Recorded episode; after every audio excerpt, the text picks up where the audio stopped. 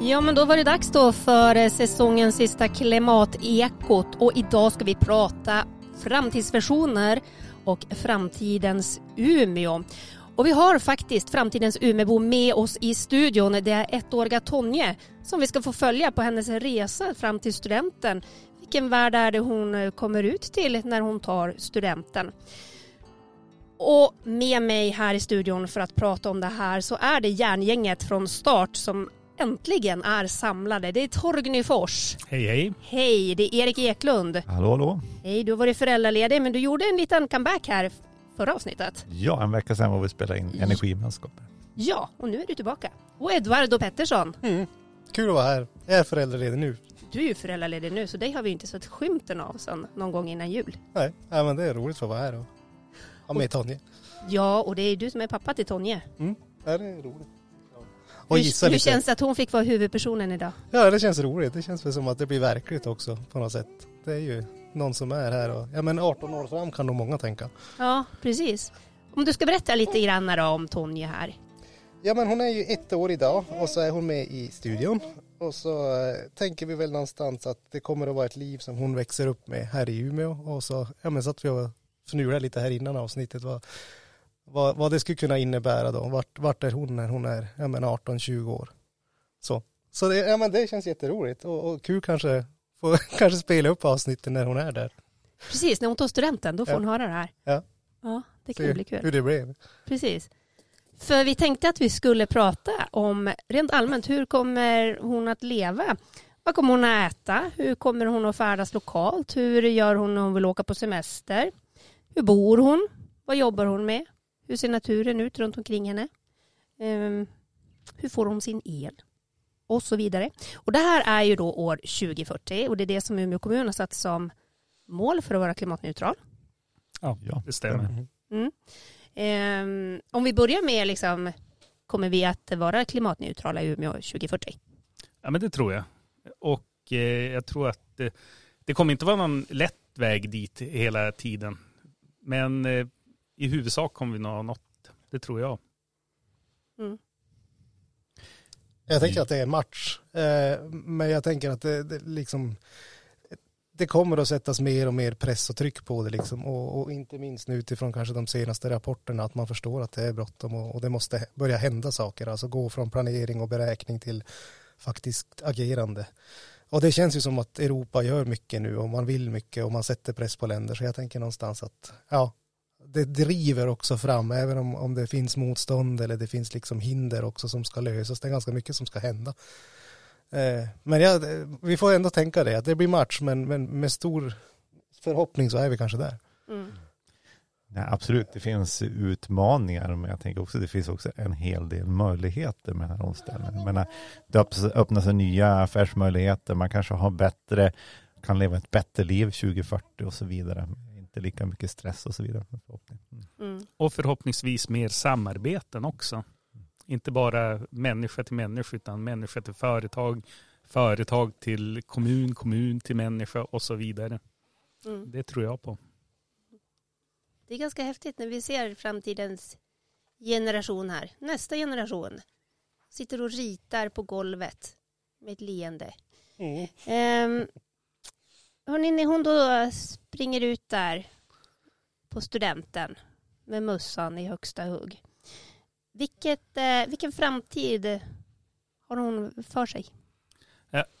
Jag tänker just när hon springer ut där, då skulle jag nog säga att hon springer kanske inte ut i det vi tänker är en vanlig Umeåstudenten, utan eh, vädret tror jag kommer att vara lite mera som man ser i, i Mälardalen, även om vi har lyckats. Och att vi, vi har ett, något varmare, det är kanske till och med rent av en fin sommardag hon springer ut till på vårkanten där. Och då har Ida Hillebjörk-projektet Revolt vuxit. Så hon springer ut i en second hand dress eller vad hon nu väljer att ha på sig. Kläderna hon har är, ja men de har hon hittat. Hon har inte liksom beställt någon, något schabrak med, med liksom jättelånga distanser utan hon, har- hon har hittat någonting där på en, en en vad kallar man det? Retrade, re... Åt, återbruk helt Ja, ja, enkelt. precis. Ja. Mm. Mm, någonting från 2023 kanske? Ja, exakt, precis. Kanske någonting från 2023. Vad häftigt det hade varit. Mm. Ehm, vad tänker ni, vad kommer hon jobba med då? Vad, har hon samma typ av jobbmöjligheter som dagens studenter? Eller kommer det ha förändrats på något sätt tror ni? Oj, det blir ju en, en, en spaning på så många nivåer med allt med AI och eh, arbets, ja, men hur ser arbetstid och liknande ut.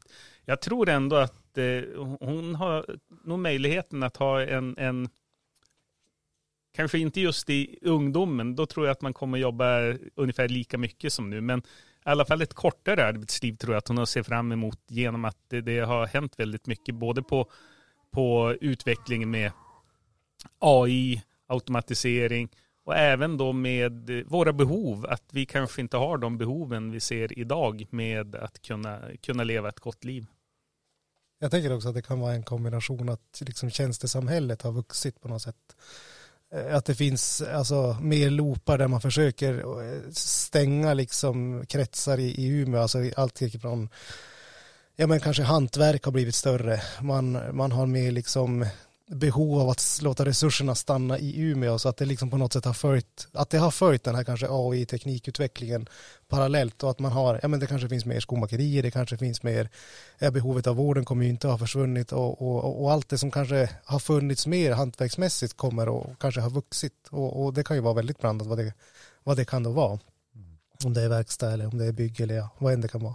Och kanske till det komplettera att hon, hon kanske har ett jobb som hon kommer jobba du- första sommaren ute i arbetslivsåldern. Kombinerat med kanske att hon har även någon volontärservice med odling, kvartersodling eller liknande för, eh, ja men om det nu är studentboende eller kvarteret hon kommer att bo i. Mm. Och ja, jag tänker tillbaka till man själv, då man själv slutade, eh, tog studenten så kanske man jobbade ett år och så sen insåg man att det är inte det här riktigt jag vill göra utan man, studerar vidare. Så den möjligheten lär ju säkert finnas också då. Men jag kan tänka mig att den kanske ser lite annorlunda ut och mer inriktat på vilka behov finns i samhället och så vidare med tydligt åt det hållet. Mm. Hur länge sedan var det ni själva tog studenten? Jag får se nu. Är det 18 år sedan? Det är ju det är 20 år sedan. Ja det är 30 år idag, eller ja här i vår. Ja. Mm. Använder något liknande för mig, 21 år då. Ja. Ja. Ja, något sånt här också. Eh, så det är ungefär lika långt i framtiden som vi pratar nu då. Känns ju inte så länge egentligen, Nej, nej, man själv var där. nej, precis. Eh, men då tänker vi så här då Edvard, ni bor eh, några mil utanför Umeå. Eh, ni har varit och eh, tittat på när hon springer ut här med studentmössan. Ni eh, ska ta er hem tillbaka till Tavelsjö. Hur färdas ni? Jag tänker att lokaltrafiken är större då och viktigare då och har kanske också liksom fått mer genomslag för att man ser behovet av att ha en stark landsbygd. Eh, liksom landsbygden kanske allmänt har vuxit och behovet av att liksom se att det är viktigt att den lever för att den ger väldigt mycket liksom effekt. Ja, det är många som pratar om att omställning kanske måste ske där. Men jag tror framförallt att då, då kanske också liksom prisbilder och, och krav på ja men om vi tar den fossila eran liksom, det, det har tagit fram liksom lösningar som gör att bussen är jättekonkurrenskraftig. Det är liksom ingen snack om saken utan det är den, det är den vägen man har. Alternativt att man kanske har då, vi får ju anta att elbilarna har kommit väldigt, väldigt långt utifrån de krav som är satta i EU. Eh, så, och det kanske man får säga, tror jag, är, är mer en lyxvariant. Att det är, jag tror inte att Tonja hoppar in i en bil och kör elbil ut, utan jag tror snarare att fler åker buss och sen kanske man liksom är några som i så fall kör tillsammans. Jag slänger in ett wildcard. Det kan mycket väl vara så att just den här studentdagen så är kollektivtrafiken så full. Men då har flera medborgare ställt sina automatiskt körande bilar till förfogande. Så jag tror att det kommer att finnas möjlighet att hoppa in i en bil som kommer att gå lite ja, men kors och tvärs som man har tillgång till. Men man sitter ju i baksätet. Den kör själv. Så kanske väldigt lämpligt då när Tonja sen ska tillbaka in till stan och träffa sina kompisar och gå på krogen. Mm. Eller? Precis, så beställer alla så den här bilen kör runt överallt och bara förbrukar ström. Precis. I någon slags lång lim- limousin eller bil. Ja. Ja, den har blivit, då har det slagit tillbaks. jo, nej, vi får väl hoppas det inte är så, men, men nej, så skulle det ju kunna vara. Eh, Jag undrar om det kommer att vara så här uppe. Jag, jag tror mer, jag, jag, tror att det där kommer att vara kanske lösningar i större städer. Och, och jag tänker att det kommer att finnas här, men kanske inte i, i jättestor utsträckning. Men vissa dagar, vissa tillfällen, då kommer det att finnas till, tillgängligt. Och vilken dag om inte en studentdag. Mm. Mm. Nej, men jag tror mycket på framtidens transporter. Dels kollektivtrafiken, ja, men jag tror också att vi kommer att behöva tvingas samåka mer. Det är inte så långt fram i tiden. Det kommer att finnas bilar som nu går ut på marknaden idag kommer fortfarande rulla om 17 år, 18 år. Va? Så att det, det, de måste ju liksom, ja, men hur, ska man, hur ska man använda dem på ett bra sätt? Mm. Det är ju möjligt också att kanske Tonje åker i sina föräldrars gamla veteranelbil. Det är inte helt omöjligt. Nej, precis. En veteranelbil. Ja, men just det. Precis. Är den skattebefriad då också? Kommer den hålla? Vad är det, vilket, vilket märke är det ni har? Det är en Golf. Det är en Golf. Kommer precis. Golfen... Är det golfen hon kommer att åka i? Ja, kanske det. Jag, jag, tänker att det är större sannolikhet att hon kanske liksom har, ja men mer, att mer utbyggt så här, jag tänkte det Erik sa, med, med samåkning. Jag tror att det liksom, det kommer att vara många in, alltså många möjligheter, precis som en busstilltabell, att åka tillsammans med någon annan. Inte bara liksom en Facebookgrupp som finns i Tavelsjö nu, utan, ja. Utan den, ja, jag, jag, tror mer på det än, än vår egen bil, eller jag på att säga. Ja. Ja. Men, när Men jag, jag, tror, jag tror den kommer att hålla, ja, är svaret på. Men när du då ska ut och finåka i din gamla Golf, ja. hur ska du ladda den då? Vilken, vilken typ av el laddar du bilen med?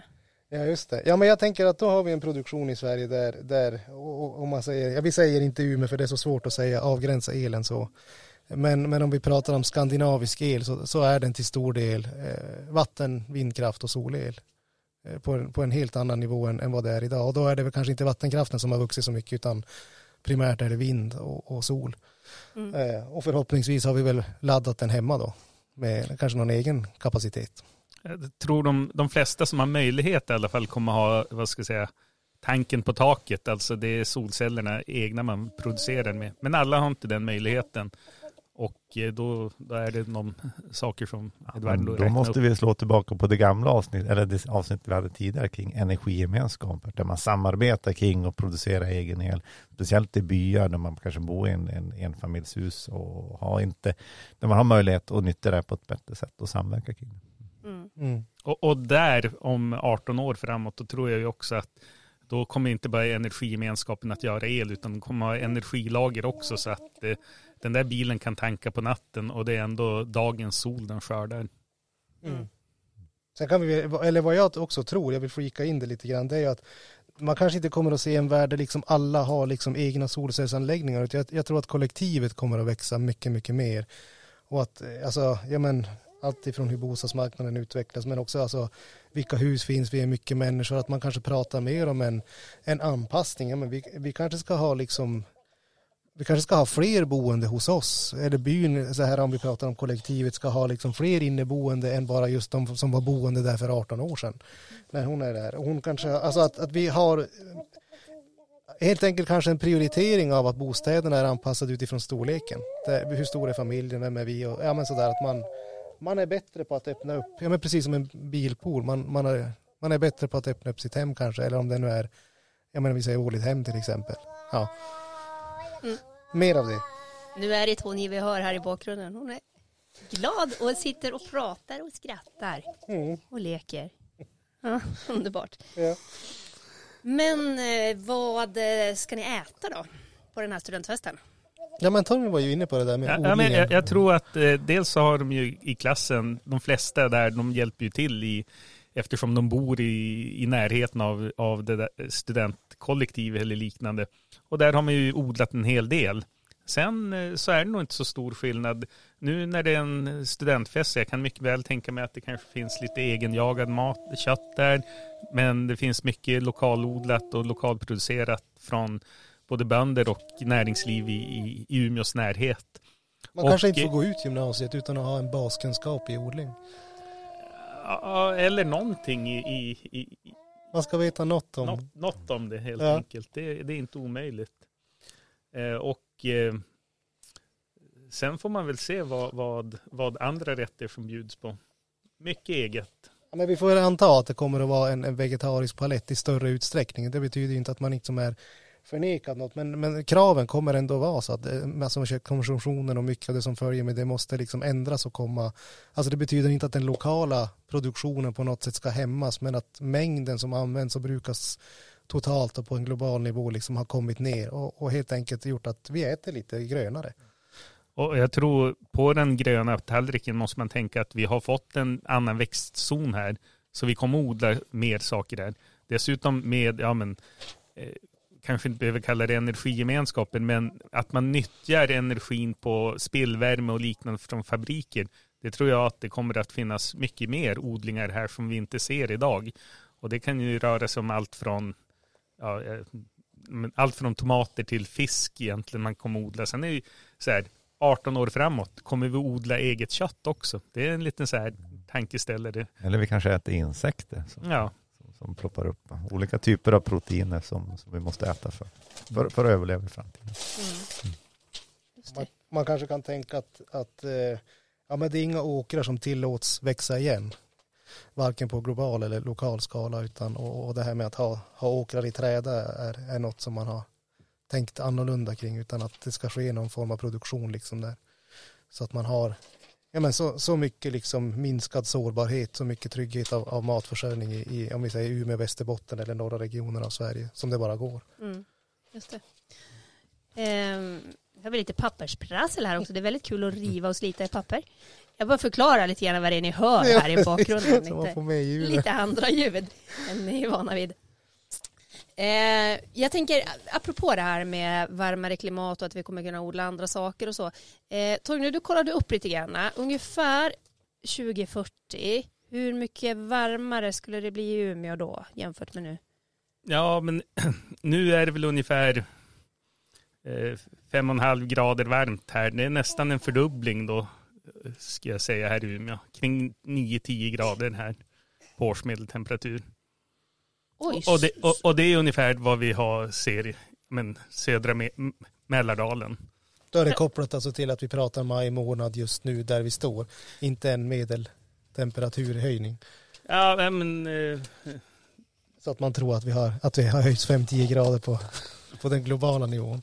nej, och det är mycket, mycket är ju, har att göra med att här kommer ju temperaturen att stiga mer än vad vi ser på global nivå. Eh, och det, det är alldeles för komplicerat. Ta ett avsnitt med en meteorolog för att reda ut de bitarna kanske. Ja. Men, men det kommer vara lite varmare här än vad det blir klimatökningen i övrigt, även när vi når målen. Men alltså runt fem grader varmare? Är det på årsbasis eller i, är det maj vi pratar om? Eller vad pratar vi om? Nej, alltså vi pratar om temperaturen just nu. Alltså, ja, Ja. exakt. En, alltså, det som, där, där vi står nu, det hade varit mer likt ett Stockholms... Ja, vi, om vi hade åkt ner till Stockholm nu, då hade vi varit mer likt värmemässigt vart vi står. Ja, just det. Så mer Stockholmsklimat Mm, Ja. är det vi har väntat oss. Mm. Mm.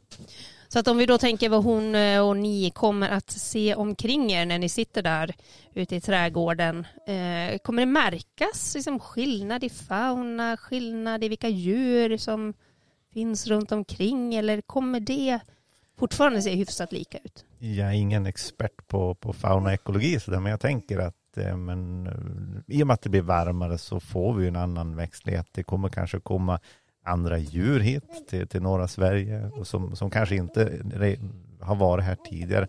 Men också att vi får lite andra träd också, att det blir mer lövträd på, på sikt också. Just det. Och så följer väl också risken för att vi har ju, ja men nederbördsmässigt så, så, så är det mer lynnigt vädret. Det, det får vi nästan utgå ifrån. Alltså plötslig nederbörd i form av snö eller regn eller, eller väldigt torrt vissa somrar. Alltså det kommer att vara en, en, svårare situation alltså, som gör att det blir lite svårare att förutse. Årstiderna blir mer lynniga helt enkelt. Mm. Eh, Det skulle jag nog nästan också vilja lägga till att det, det är ju något man vet kommer att ske.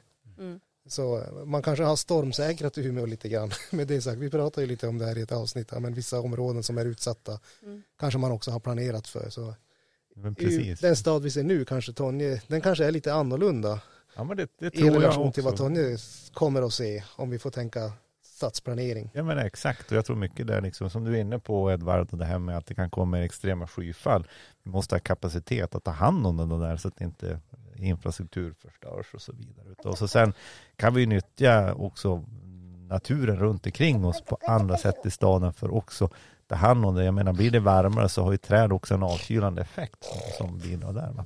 Och ta upp mycket vatten. Jag tror snackisen eh, då, lite som nu är, så fort något nytt hus kommer upp, då kommer man säga, ja men det här är ju inte anpassat för våra behov, för vi kommer ha snöstorm ibland och vi kommer ha störtregn ibland och väldigt varmt ibland. Men eh, eh Ja men det följer ju att vi kommer att få anpassa oss lite grann också. Alltså hur, ja men så här, man kanske inte antar alltid att det här kommer att gå att göra eller att man, ja men så här, vissa grejer får man, ja men nu säger odlingen, den kommer ju måste ta höjd för, ja,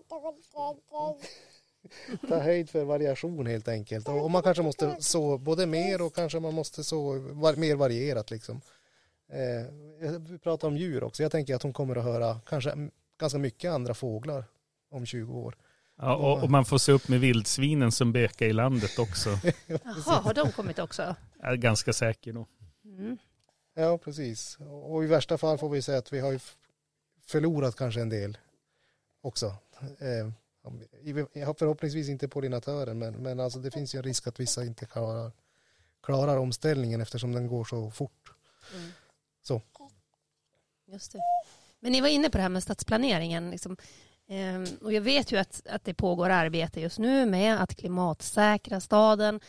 Ehm, hur långt har man hunnit då liksom till 2040? Är det hyfsat klart då eller riskerar vi att stå där med jätteöversvämningar liksom, där vi inte tar oss Jag tror att det är en dynamisk process. Att vi, det vi tycker nu, man har, eller där vi är nu och ser framåt, då kommer man tycka att vi har gjort jättemycket. Men det kommer att finnas något område Förhoppningsvis är det kanske inte samma område som idag drabbas som kommer att vara drabbat då för att staden kommer att växa och den kommer att ha lite olika förutsättningar för att det är säkert något problemområde som har dykt upp men andra har byggts bort och jag tror aldrig man kan vara, säga att nu är vi nöjd det är färdigt utan det, det kommer att vara en levande process för staden också.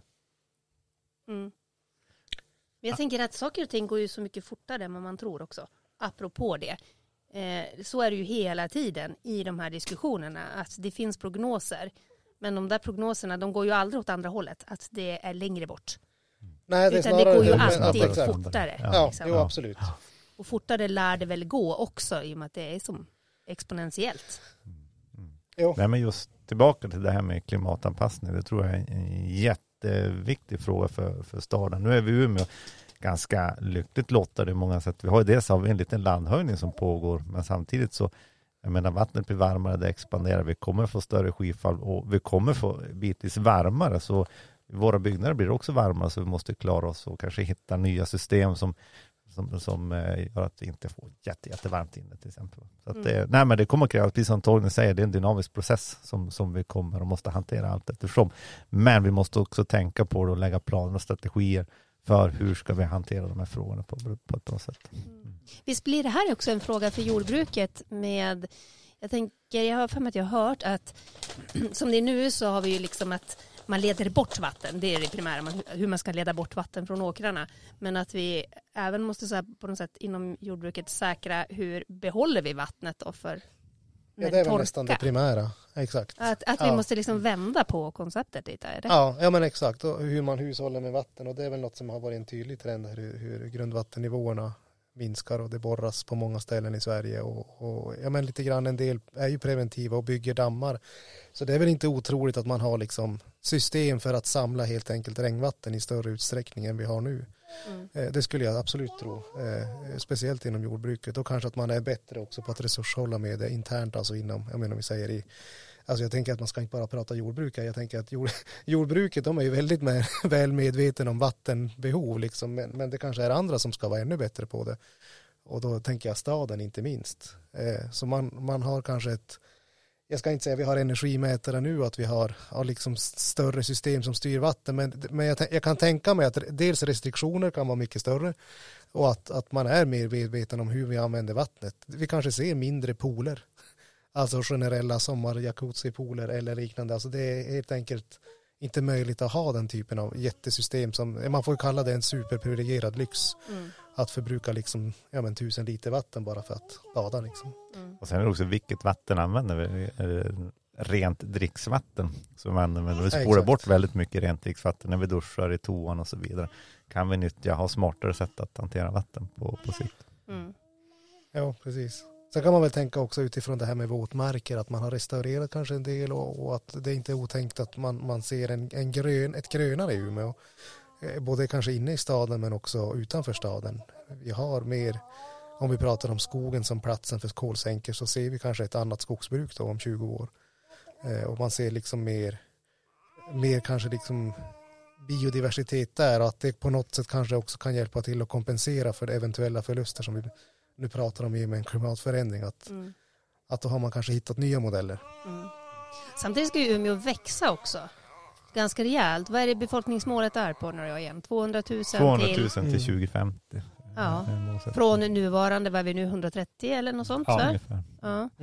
Så att det, det är ju också liksom en ganska stor uppskalning av staden. Hur kommer det här liksom, hur kommer hon märka av det här? Kommer det vara mycket mera höghus och tätare byggt eller kommer liksom staden att expandera åt sidan eller hur kommer vi ha liksom Alltså om man tittar framåt så kommer ju båda delarna behövas, men det kommer vara en tätare stad. Det kommer vara mer, mer tätare. Sen är ju de här, ja men, vad ska jag säga, byarna och stråken ute i byarna, de kommer nog att bli mer utbyggda och där kommer ju förhoppningsvis kollektivtrafiken att fungera betydligt bättre än vad den gör idag och de bitarna. Men eh, själva stan är tätare. Men vad och, händer och de förhoppnings, förhoppningsvis grönare samtidigt. Så att, Ja, eh, jag tänkte just fråga det. Hur hänger det där ihop? Då? Om den blir tätare så är det ju, då tänker man att då är det grönytor som försvinner. Ja, men dels kan man ju bygga lite på höjden fortfarande och dels tror jag att man kommer att, att ta bort en del av vad ska jag säga, väg, väg, vägbredd och få in mer växter. Och sen även när man ser på byggnader så där det inte är lönt att, bygga solceller för att man inte har rätt ljus eller liknande. Där kanske man har någon form av gräs eller andra plantor som växer på träd eh, eller växer på taket. Och även på väggar kan man tänka sig att det finns eh, eh, ja, men, både växter och mossor som, som kan användas som vad ska säga, koldioxidbuffrar och för att förgröna hela, hela ytan och göra en bättre eh, ja, men, närmiljö luftmässigt och partikelmässigt och liknande. Mm. Kommer, det, kommer stadsodlingen ha ökat tror ni? Ja, men det tror jag på många olika sätt. Det som var inne på, det kommer ju fortfarande att finnas spillvärme som man kan ta tillvara i växthus exempelvis. Men man kommer också se mer odlingar runt om i staden. Att man drar nytta av tak kanske, man drar nytta av parker och så vidare. Att man, man ser att det, det kommer att kunna växa tror jag. Mm.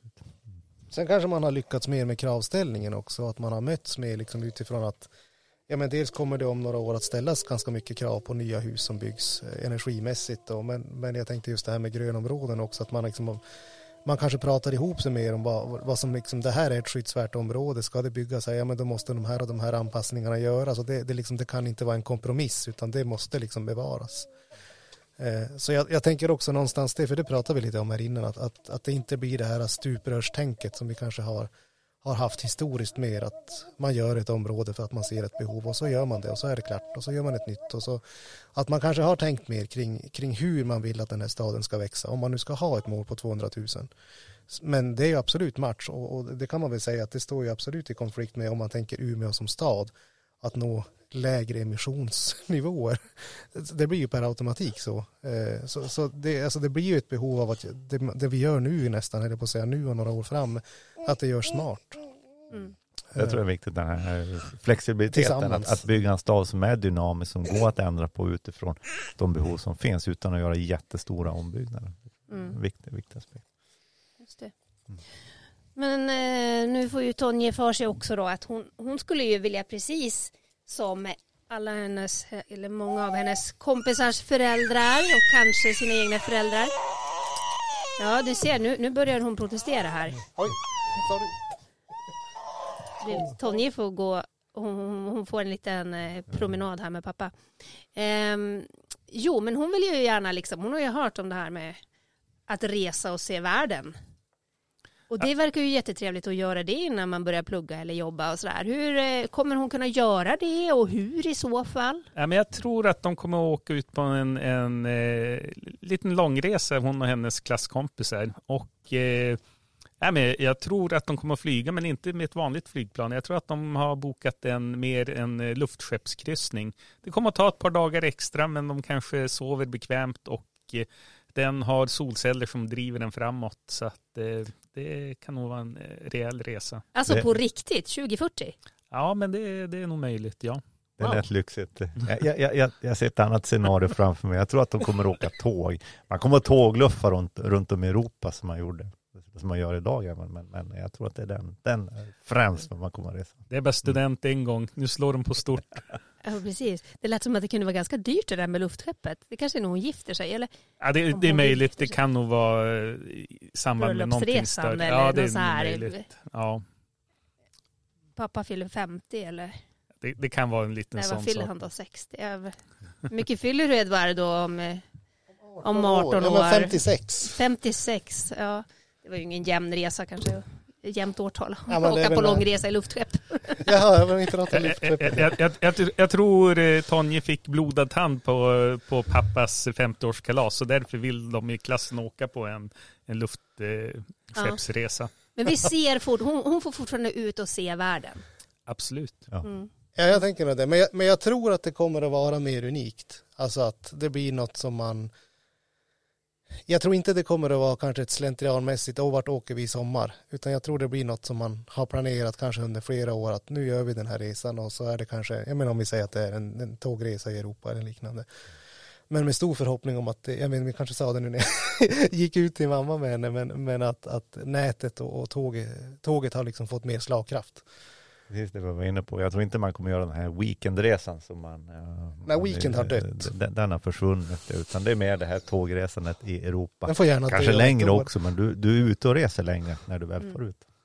Hur lockande kommer det vara för oss tror ni att, eh, att åka på de här utlandssemestrarna? Jag tänker dels har det blivit varmare här men också liksom situationen i Sydeuropa och om man åker längre än så den liksom situation som övriga världen kommer att befinna sig i 2040. Är det ett ställe som vi kommer att vilja semestra på? Nej, det kan nog vara det omvända. Ja, och jag tänker att, att eh, det har ändrat lite resmönster. Det är inte samma tider man åker till ställen vi åker idag. Då kanske det är för varmt, utan det är kanske mer den här julresan som, som är mer lämplig. Eh, så att tiden har ändrats lite grann. Och sen platser också. Vi kommer nog få fler som åker hit för att det är för, för varmt i sin del av världen. Och vill de turista eller komma hit upp när det är lite behagligare sommar. Mm. Så vi har en annan typ av besöksnäring kanske också då? Ja. Ja, det tror jag. Ja, det, det tror jag är mycket tror jag. Jag höll på att säga det här och, och just det här med boenden också om vi nu pratar. Det är många som lite grann spår det eller redan nu säger att det, det här med att om vi säger att man köper en bostad i Spanien eller på kontinenten det kanske inte är ett bra drag att göra nu och framåt. Eh, För att det kommer att vara utsatt liksom. Det, det kommer att hända mycket grejer runt, om vi tar Medelhavet nu som man tänker är nära från Sverige. Absolut. Eh, Jag tror att det kommer att, vara betydligt fler människor som rör sig mot Sverige och jag höll på att säga att det sker redan nu. Mm. Eh, Så. Just det. Och avslutningsvis då. Eh, vad vill ni skicka med Tonje från här på studentdagen? Om ni ska säga några välvalda ord till henne inför framtiden. Och det här alltså, nu står vi här på hennes studentdag. Vad säger ni till henne? Åh gud vad svårt. Ska jag, ska jag börja då som pappa där? Nej men jag tänker någonstans liksom att, att, eh, nej, men att njuta av livet betyder inte liksom att man ska se det som, som vi kanske gör idag om att allt är, är begränsningar utan alltså hon kommer ju att växa upp också i en tid när när, när alla andra liksom delar den här världsbilden och ser de här förändringarna och med det så gör det ju som, som med alla andra att det, det blir ju en vana att ja, men nu är det de här grejerna vi gör. Man kanske tar del av teatern mer än vad man gör av att jag vet inte, köpa kläder eller något annat liksom så att någonstans ja men så här lev litet och smart och njut så här så kanske jag skulle ha sagt Mm. får vi se vad hon säger när hon är 18 Ja, det är svårt att skicka med, med visdomsord så här. eh, Men eh, jag tror att hon kommer ha en fantastisk dag den dagen. Och jag tänker också att eh, det, det vi mycket nu känner eh, kanske klimatångest för hur det ser ut om 18 år framåt. Det, det tror jag inte är det. För dels tror jag att vi har löst många av problemen. Så att jag, jag, det jag kan skicka med är att de problem som hon ser då, det kommer att lösa sig också. Men det gäller bara att fortsätta jobba med dem och ta det lugnt. Mm. Nej, men jag har sagt väldigt bra visdomsord här och jag håller med allting. Menar just ett, är såklart ett, ett stort lycka till i, i framtiden och sen det är klart en hel del utmaningar som står framför dörren. Liksom när man ska hitta ett jobb, första jobb och så vidare. Vad ska man göra? Ska man läsa vidare och så där? Men det handlar väl mycket om att liksom inte ja, men, leva sunt och smart, ta hand om sig själv och, eh, och jobba för en, för en bättre värld. Mm. Mm. Mm. Hörrni, stort tack för idag. Jättekul att få ha er alla tre här. Och sen så hoppas jag innerligt att vi ses igen till hösten och att vi kan sitta här i den här studion och fortsätta spela in Klimatekot. Fortsättning följer på den. Eh, och till alla som har lyssnat också, stort tack för att ni har hängt med oss under den här säsongen. Och har du missat avsnitt så finns det ju att lyssna tillbaka på en hel del avsnitt. Eh, så gör det. Och sen hoppas jag att det blir en riktigt lugn och fridfull och härlig sommar. Ja, men tack detsamma. Mm, detsamma. Kul att vara här.